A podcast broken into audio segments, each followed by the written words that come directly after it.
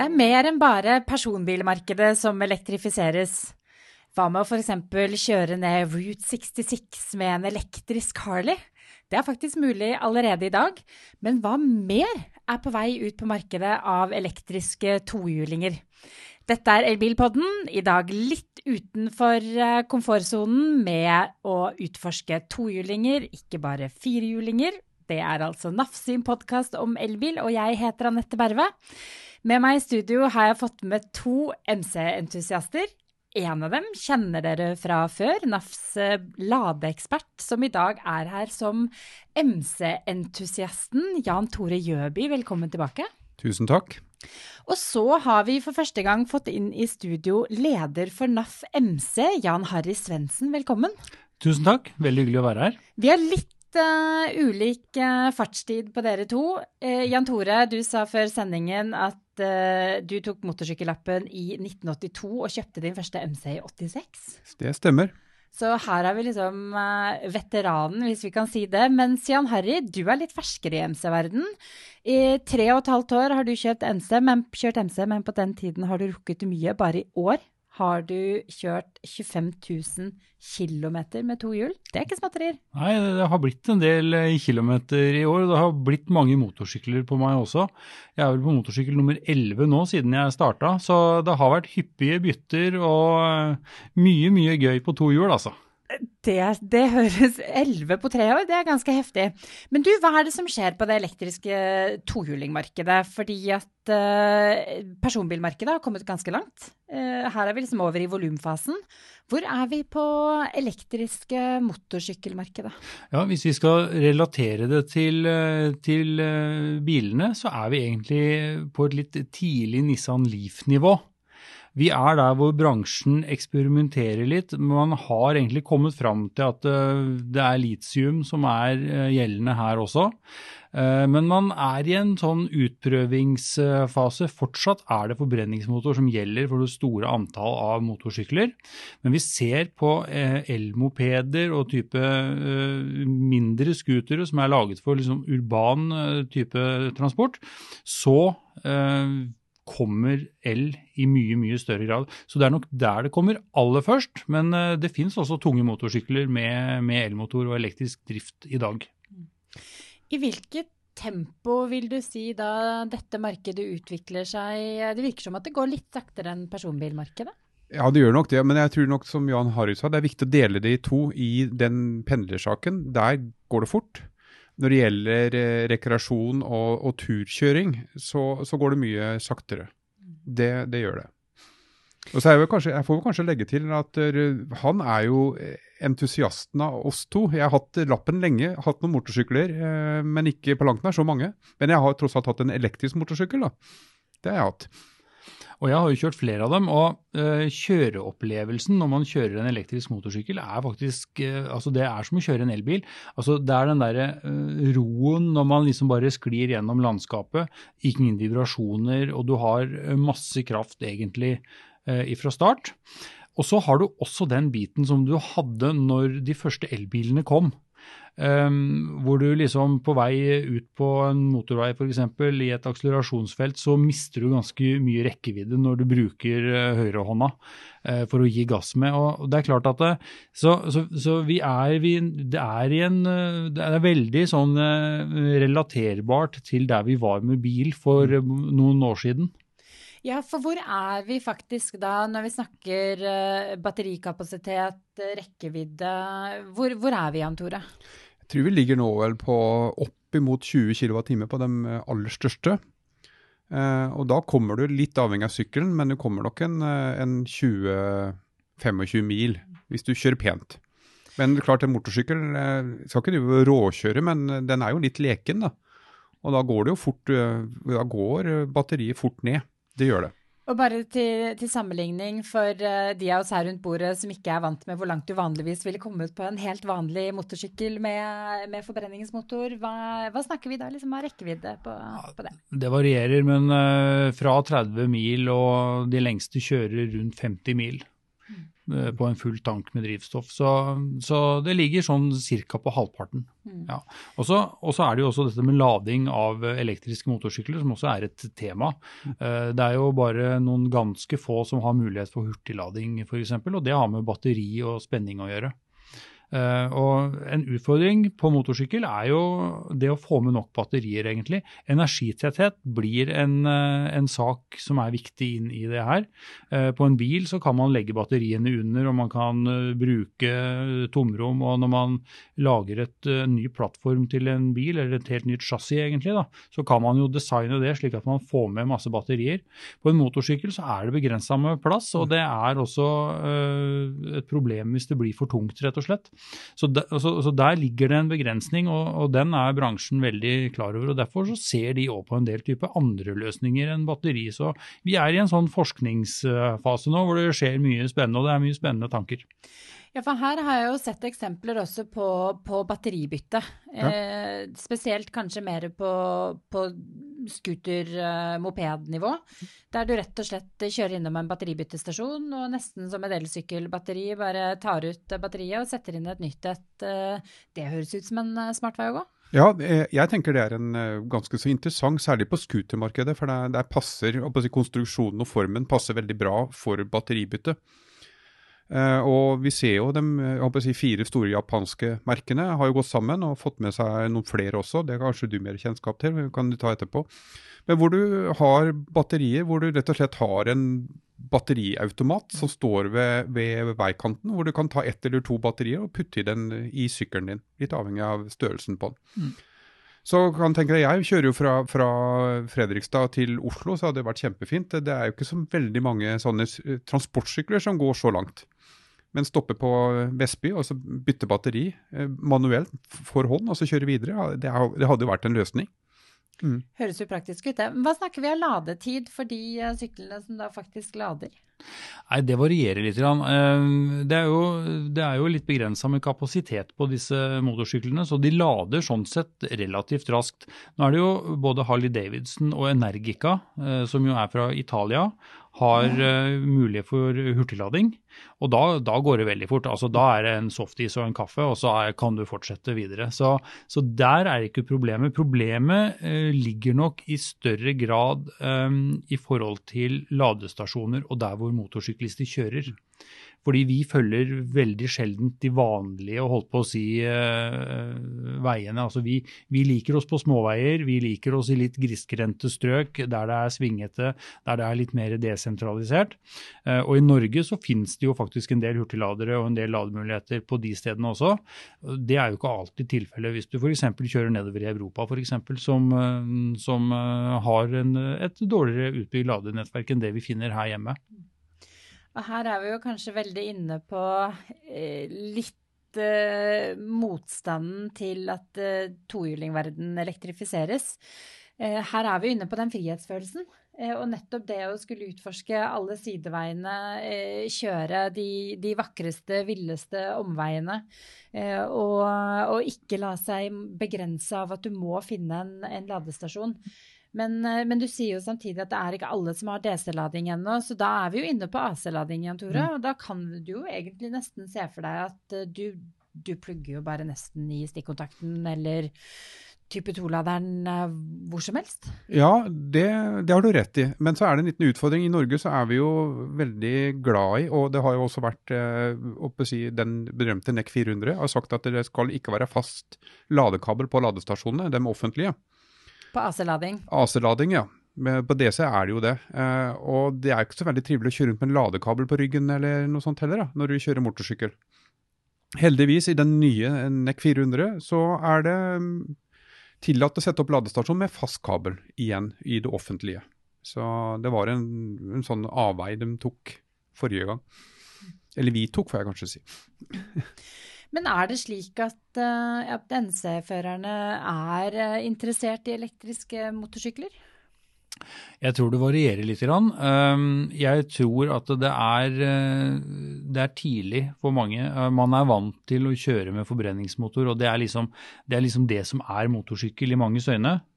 Eh, så tror jeg det kommer et skifte når man håper å se fordelen i dette. Akkurat, sånn som det, akkurat som vi har sett det på biler, egentlig. Hvor dette bare blir en drivlinje på lik linje med alt mulig annet. Og et alternativ, egentlig. Så uh, det må nok modnes uh, litt. Men uh, at vi kommer dit, det, det, tror jeg vi gjør på et eller annet tidspunkt. For det det er, gøy å kjøre elektrisk motorsykkel også. Hva ligger da faktisk i planene til de toneangivende produsentene her? Ja, og her er det jo mange som er, nå er ute og forsker. Kawasaki er jo en av de som har gått ut og sagt at de ser for seg at elektriske motorsykler fortsatt er en del år unna. Eh, men, men, de forsker jo nå på hybridløsninger. Eh, akkurat som vi så det på, på personbilmarkedet i liksom Nissan Leaf-tiden. Eh, så ser vi det på motorsykler òg. Eh, det var jo en stor motorsykkelmesse i Italia nå tidligere i år, Eikma-messen. Og der viste de en hybrid motorsykkel som jo bruker batteriet både for å øke ytelse, men også kunne kjøre da helelektrisk i type lavutslippssoner. Og så er det noen som snakker om hydrogen som et eh, drivstoff inn i dette, eh, og også design fuels, faktisk, hvor, hvor man lager eh, et eget drivstoff for, for, vanlige forbrenningsmotorer, men som jo da er nøytralt i forhold til utslipp osv. Så, videre. Mm. så Så det er mange, mange spor som gås opp her. Jeg tror vel vi ender jo på, ender jo på batteri på et eller annet tidspunkt. Men eh, det, det, det, det, er sånn som det var i bilbransjen, at man må liksom eh, forske litt og prøve litt forskjellige ting, og så, og så ender man opp et sted eh, til slutt. Så tenker jeg vel også det er liksom, som vi var inne på helt i starten, altså viktig å dele på det med, med pendlersykler, som vi ser i mye større grad ellers i verden. I Norge så snakker vi om motorsykkel, så snakker vi i stor grad om om eh, rekreasjon og, og, kosekjøring. Så det er liksom to forskjellige. Og, og, sånn sett så er det vel disse syklene som brukes hver, da, som det først og fremst er viktig å få, få endra på. Eh, både få ned støyen, få ned utslipp og allting. Og så kan vi leve litt lengre med motorsykler som er for tur. Og veldig ofte, Det er ikke alle som har elleve motorsykler på noen få år. Mange har dem jo i ti. Det blir på en måte en del av familien, den motorsykkelen. Så det å bare bytte over, det vil nok ta lang, mye lengre tid for, for uh, motorsykler enn det har gjort for bil, tror jeg. Hvilke elektriske scootere er det du syns eh, skiller deg ut? Hvilke produsenter der gjør noe spennende? Ja, eh, En sånn spennende designmessig, kanskje nesten litt for spennende, er jo BMW sin. Eh, grei. Eh, jeg sa jeg hadde hatt motorsykkel, det var en Metrix. Eh, dem er dessverre konkurs, men eh, det var, det var en veldig sånn grei motorsykkel. Stor og tung, men fungerte egentlig til mitt bruk veldig bra. Jeg pendla til Sarpsborg fra Rakkestad. Og så har vi jo Piaggio, er ikke det heter? Jo. Mm. de har jo motorsykkel, en lett motorsykkel. som med Enova-støtte så kommer det under 20 000 kroner for en lett motorsykkel. det er jo bra. Så det er, det er, mye som skjer på, på den lette scootersida også. Så er det viktig at vi veldig ofte tenker vi i Norge på scooter som moped. Scooter kan jo like gjerne være en tung motorsykkel. Så mm. Ja, for jeg føler Innenfor den uh, scooter-mopedverden uh, så er det mye retrodesign. Uh, det, og det er ganske tøft. Men uh, jeg må jo si at når jeg tok og gjorde litt research i går og så litt hva som fantes på markedet, så er det mye space av design også. Ja, det er det. Og, og, og der gjør syns jeg, altså i mine øyne, motorsykkelbransjen akkurat uh, den samme bjørnetjenesten som bilbransjen gjorde seg når de første elbilene kom. Uh, som liksom skulle skille seg ut, uh, være nesten som å sette seg inn i et romskip. Jeg husker jeg var, på, jeg var på lanseringen av Ford Focus Electric, og det alle journalistene snakka om på den billanseringen, det er at dette er jo faktisk en elbil som ser ut som en helt vanlig bil, og den er å kjøre som en helt vanlig bil òg. Helt til du åpna bagasjelokket og så batteriet som hadde tatt hele bagasjerommet. Men motorsykkelbransjen er litt der, dem også. Og, og scooterbransjen også. Hadde, noen av disse uh, motorsyklene ser litt speisa ut. BMW er jo kanskje eh, det beste eksempelet på det. Mm. Uh, den kunne jo vært med i en hvilken som helst Star Wars-film. Uh, uten å ha gjort, uh, gjort, skade på, på designuttrykket der. Men, men det er en, det er en Altså, vi er, vi er, på motorsykkel og på scooter og på moped der hvor bilbransjen var for en del år siden. Hva er det du syns kjennetegner en god motorsykkel, da? Hvis du liksom skal komme med ønskelisten din og si ikke rote deg bort i dette futuristiske greiene. Hva, er, hva kjennetegner en god motorsykkel? Altså En god motorsykkel kjennetegnes jo eh, med den følelsen som den gir deg. Eh, det ene er jo kjørefølelsen. Det andre er jo den følelsen du har når du sitter på den motorsykkelen. Eh, og det er klart eh, Det er noe spesielt å komme eh, til et eller annet sted gliende inn på en vakker, fantastisk motorsykkel Uh, ta av seg hjelmen og se seg rundt. altså Det er også en del av den der motorsykkelgleden. Hvordan denne motorsykkelen får deg til å føle deg. Uh, og så har du jo dette med kjøreegenskaper og, og, og, og brukervennlighet og, alt dette. Det må, det må, være enkelt, og det må liksom være lav terskel for å, å sette seg på den motorsykkelen og, ta seg, en, ta, seg en, tur. Jeg ser du bare smiler og nikker, igjen, Tore. Ja, jeg gjør det. Det, det er jo absolutt det det er. Altså, det er en sånn Særlig den tursykkelen, den kosesykkelen. Det, det, er en, mange gjør det til, til et smykke. Ser, det finnes jo Harley Davidson. Det finnes jo vel ikke to like Harley Davidson egentlig. I hvert fall eh, blant dem som har hatt et par sånne sykler, så, så tilpasses de jo. Og det blir liksom en del av personligheten din. Og som jeg sa også, de har dem i mange år, noen. Og det er en del av familien, nesten. Et familiemedlem. Så det, det er litt uh, spesielt. Det er jo faktisk mange motorsyklister som nå på vinteren flytter motorsykkelen inn i stua. Og har den stående inne Seriøst? i stua som et møbel. Ja, det er det mange som gjør. Jeg, jeg, jeg, får ikke lov. Jeg har prøvd. Hvis vi ikke flislegger garasjen og har ordentlig fin furtebu med ja. ja. Det er kult. Det er um, Jan, to, uh, Jan, Harry. Uh, det er to Janer her i dag. Jeg visste på et eller annet tidspunkt så kommer jeg til å adressere en av dere feil.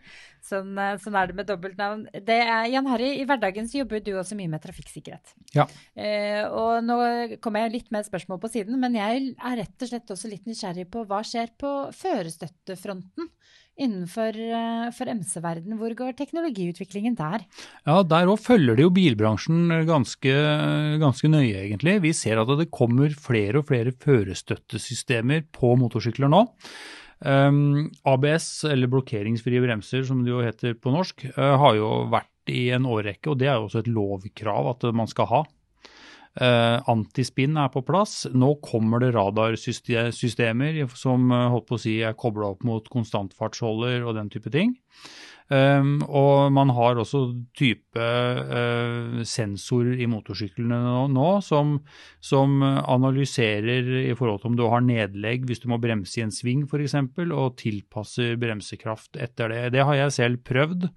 Um, lå i en uh, sving uh, i nærheten av svenskegrensa i 80 km i timen. og Det var en helt åpen, fin sving, og så kom det en katt ut fra fra grøfta som det var helt umulig å se, og, jeg bråbremser.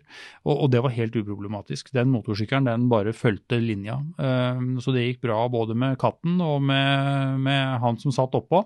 Um, så, så, disse systemene fungerer. Og blindsoneassistenter, som vi jo kjenner godt fra biler, det er også flere motorsykkelprodusenter som nå tilbyr. Så de er ganske langt, de er ganske langt på vei. Mm. Eh, det har jo vært et tragisk ulykkesår på norske veier med, med veldig mange dødsulykker, eh, dessverre også blant, eh, blant NC-førere.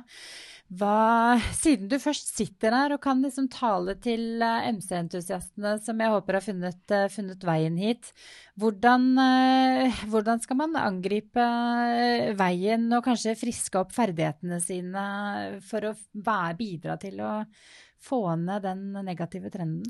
Ja, Det å kjøre motorsykkel det handler jo til en stor grad om håper å si, ferskvarekunnskap. Uh, og nå er vi midt på vinteren, og det er ikke veldig mange som kjører nå. De fleste har motorsykkelen i stua, som vi var inne på. Uh, så når våren kommer, så gjelder det faktisk også å ta høyde for at man er litt rusten, og at man kanskje ikke har de samme egenskapene og og den samme smidigheten som man hadde på, på avslutningen av sesongen eh, i år. Så uh, ha respekt for at man sitter på et uh, kjøretøy som uh, faktisk krever ganske mye av deg som fører. Um, handlingsrom er jo et ord som vi bruker veldig mye, vi som kjører motorsykkel. Og det handler egentlig om å skaffe seg selv plass og skaffe seg selv rom for å reagere hvis noe skjer. Eh, det handler om avstand til andre biler, eh, det handler om fartstilpasning inn mot sving osv. Eh, slik at man holder en såpass lav hastighet at man har muligheten til å reagere hvis noe skjer i en sving. På en vei så kjører man på veldig dynamisk en veldig dynamisk arena som forandrer seg hele tiden. Um, så, så, selv om du kjørte den samme svingen på morgenen, så kan det være en helt annen andre forutsetninger som ligger i den svingen når du kommer deg på ettermiddagen. Det kan ha vært regn i løpet av dagen f.eks. Um, det kan ha kjørt en lastebil der som har mista noe grus f.eks. Um, så det å da ha et handlingsrom i forhold til at uh, man har såpass lav fart at man kan reagere på den type ting, da kommer man veldig, veldig langt. Også ikke ta sjanser. Um, det er jo mange som kjører mellom biler, f.eks., uh, i kø. Uh, jeg gjør også det innimellom, men da skal begge de uh, filene med biler stå stille. Med en gang det er uh, bevegelse i en av de filene, så legger jeg meg inn og, og følger køen. Og bakgrunnen for det er rett og slett at som motorsyklist, du kommer fort. Mange bilister glemmer når man sitter i en sånn køsituasjon å sjekke både speil og blindsone. Og hvis de ser en luke, så hender det at de tar den luka uten å se seg for. Og hvis du er der da, så, så har du ikke noe handlingsrom lenger. og da smeller det, rett og slett. Så, så det, er, det, er, det, er, mye du kan gjøre. Og vi i NAF også har jo uh, Sikker på MC. Uh, vi har jo uh, MC-klubber utover i hele Norge som arrangerer dette kurset, som er et lavterskelkurs som nettopp går på dette med å kunne identifisere fare og bli en tryggere motorsyklist. Og så er det vel også litt viktig altså, Det er jo mange som er som meg, som har tatt lappen for eh, noen tiår siden og kjørt litt motorsykkel, og så hatt noen lange pauser og kjørt litt igjen og tatt uh, noen lange pauser. Og så er jo ikke kroppen 30 år noe mer, han er blitt i hvert fall litt eldre enn det. Uh, og da er det jo det med å, å, stivne i svinger og sånt når du kaster deg på en ny og moderne motorsykkel, mm. som har kanskje en del veldig artige fartsressurser, men som det ikke ikke har forutsetningen for å håndtere på en god måte. Eh, fordi ikke du har den ferskvareerfaringa. Ja. Eh, jeg kjenner veldig godt til det. Ja. Jeg er litt sånn av og på. Du har vært veldig konstant når du holdt på, men jeg har vært motorsyklist av og på, og håper å være litt på igjen framover. Mm. Og kanskje er man også vant til Forrige gang man kjørte, så kjørte man kanskje en eh, mindre motorsykkel som var lettere og litt mer svingvillig, kanskje. Eh, og så har det gått eh, noen, noen, år, som i ditt tilfelle. Og så har man fått penger og kjøper seg en adventure-sykkel som er blitt kjempepopulært, og som er fantastiske motorsykler. Men da snakker vi plutselig om en motorsykkel som veier opp mot 250 kilo, og kanskje mer enn det også.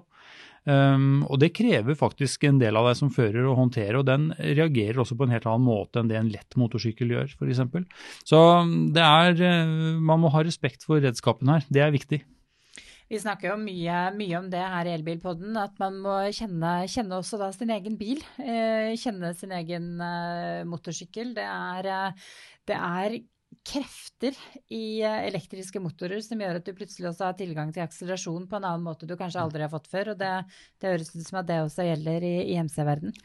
I aller høyeste grad så gjelder det i MC-verden, og kanskje i enda større grad enn på en bil også, fordi at en motorsykkel er jo ganske lett. og Du, du har jo motorsykler elektriske nå som har voldsomt kraftige motorer med høyt dreiemoment, som gjør at du, du får en eh, svært, svært kraftig akselerasjon akselerasjon, og i veldig mange tilfeller kraftigere enn det du får på en uh, motorsykkel med forbrenningsmotor, hvor du er avhengig kanskje av turtall, og ting bygger seg litt opp uh, sånn etter hvert.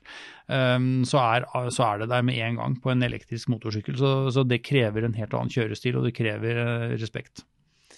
Men nå er vi jo da midt i vintersesongen. Ikke veldig mange MC-førere som er ute. La oss si det nå kribler litt i magen hos eh, noen som sitter og lytter på, så har de lyst til å kjøpe seg, eh, kjøpe seg en motorsykkel eller scooter eller hva det er. Du var så vidt inne på Enova-støtte, Jan Tore. Kan ikke mm. du fortelle litt mer om hvilke subsidier som gjelder hvis du faktisk skal kjøpe deg en elektrisk tohjuling, da? Ja, kjøper du en tung motorsykkel, så er det ved 25 000. Kjøper du en lett motorsykkel, og kanskje litt for pendling og sånn, så er det 15 000. Og mopeden er nede på er det 7,5? Tre og et halvt. 3,5. Mm. Mm. Er det noen andre subsidier, uh, bruksinsentiver, hvis du kjører elektrisk eh, motorsykkel? Du har jo den som du alltid har hatt. Bussfila er jo tilgjengelig for motorsyklister. eh, uavhengig om man er elektrisk eller ikke. Det kan jo være en fordel. Bommen er mye hyggeligere. Fordi at skiltet er jo bak på motorsykkelen, så det er ikke så lett å få tatt betalt. Så den har vært åpen bestandig. Eh, så det er jo litt sånt noe som følger mer som motorsykkel enn det at det er elektrisk. Mm. Mm. Og så har du den viktigste fordelen av alle, og det er jo kjøreopplevelsen. Ja. Ja, Du opplever jo ting på motorsykkel som du aldri opplever eh, i en bil. Vi var jo på langtur i sommer med en Honda Monkey som vi kjørte til Nordkapp. Eh, og hadde, hadde et lite stykke eh, på finsk side hvor vi hadde en ørn som lå på sida av oss. Og, og, og vi så jo den fordi vi kjørte motorsykkel. I en bil ville du aldri sett den fordi altså, du har tak og A- og B-stolper osv., men, men i en motorsykkel så ser du den. Um, og det er veldig spesielt. Så det, det, det, det er kanskje den største fordelen med å kjøre motorsykkel, uavhengig om den er elektrisk eller har forbrenningsmotor, er jo kjøreopplevelsen. Det er jo, største, det er jo den største brukerfordelen du har. Og så legger du på elektriske, så får du jo eh, stillheten også, som Ja. gjør at du faktisk kan høre en del av det som skjer på utsida. Mm. Og det er, eh, det er en litt interessant opplevelse. Og nå gjør faktisk du, Jan Herre, deg klar for uh, sommerens eh, store eventyr. Uh, for det er allerede under planlegging. Det blir en uh, heftig tur gjennom Norge, og den blir på to hjul. Mm. Men det ligger an til at den blir elektrisk. Ja, vi jobber med å få eh, tak i en Energica som vi skal bruke på den turen, som vi, heter, som vi kaller fra NAF til Nordkapp, en sikkerhetsstafett. Um, og vi planlegger å ha elleve arrangementer spredd rundt i hele Norge. Eh, Og kommer til å være på veien i 14 dager. eh, Og kjøre elektrisk motorsykkel fra Oslo via Sørlandet, Vestlandet og helt opp til Alta, som er endestasjonen. Så det kommer til å bli en helt eh, fantastisk tur, det er jeg helt overbevist om. Det er rått. Når er det dette skjer, for de som er sånn at man kan notere det i kalenderen sin? Ja, det skjer i uke 21 og 22, altså siste uka i mai og første uka i juni egentlig. Så da er eh, NAF MC på veien med elektrisk eh, motorsykkel, og det gleder vi oss eh, veldig til. Og, så har vi et viktig budskap å komme med også, også da, og det går på dette med hvordan en motorsyklisten kan ivareta og, og bedre sin egen sikkerhet. Så vi jobber med å få inn samarbeidspartner, og det kommer til å bli et fantastisk spennende opplegg. Da ser jeg for meg at du kommer tilbake til studio etter at den reisen er omme, sånn at vi får høre litt om eh, hvordan eh, ladenettverket fungerer i praksis for MC-førere, og hvordan opplevelsen var. Jeg kommer gjerne. Tusen takk for at dere begge kom i studio, eh, Jan Tore Jøby og Jan Harry Svendsen, og snakket elektrisk MC-glede. Vi er ferdig for i år med Elbilpodden. Vi eh, er Alle episodene til Elbilpodden ligger jo da i alle tilgjengelige podkastapper, og du kan lytte til oss på Spotify og YouTube hvis du har lyst til å se litt i arkivet gjennom romjulen. Følg oss gjerne på Facebook, der heter vi NAF Elbil, og der kan du også sende oss en melding på Messenger hvis du har lyst til å tipse oss om temaer eller gjester. Jeg heter Anette Berve, og som alltid er det Peter Jacobsen som sørger for at lyd og bilde funker som det skal. Vi sier da god jul fra studio, så snakkes vi på nyåret. Ha det godt. God jul! God jul.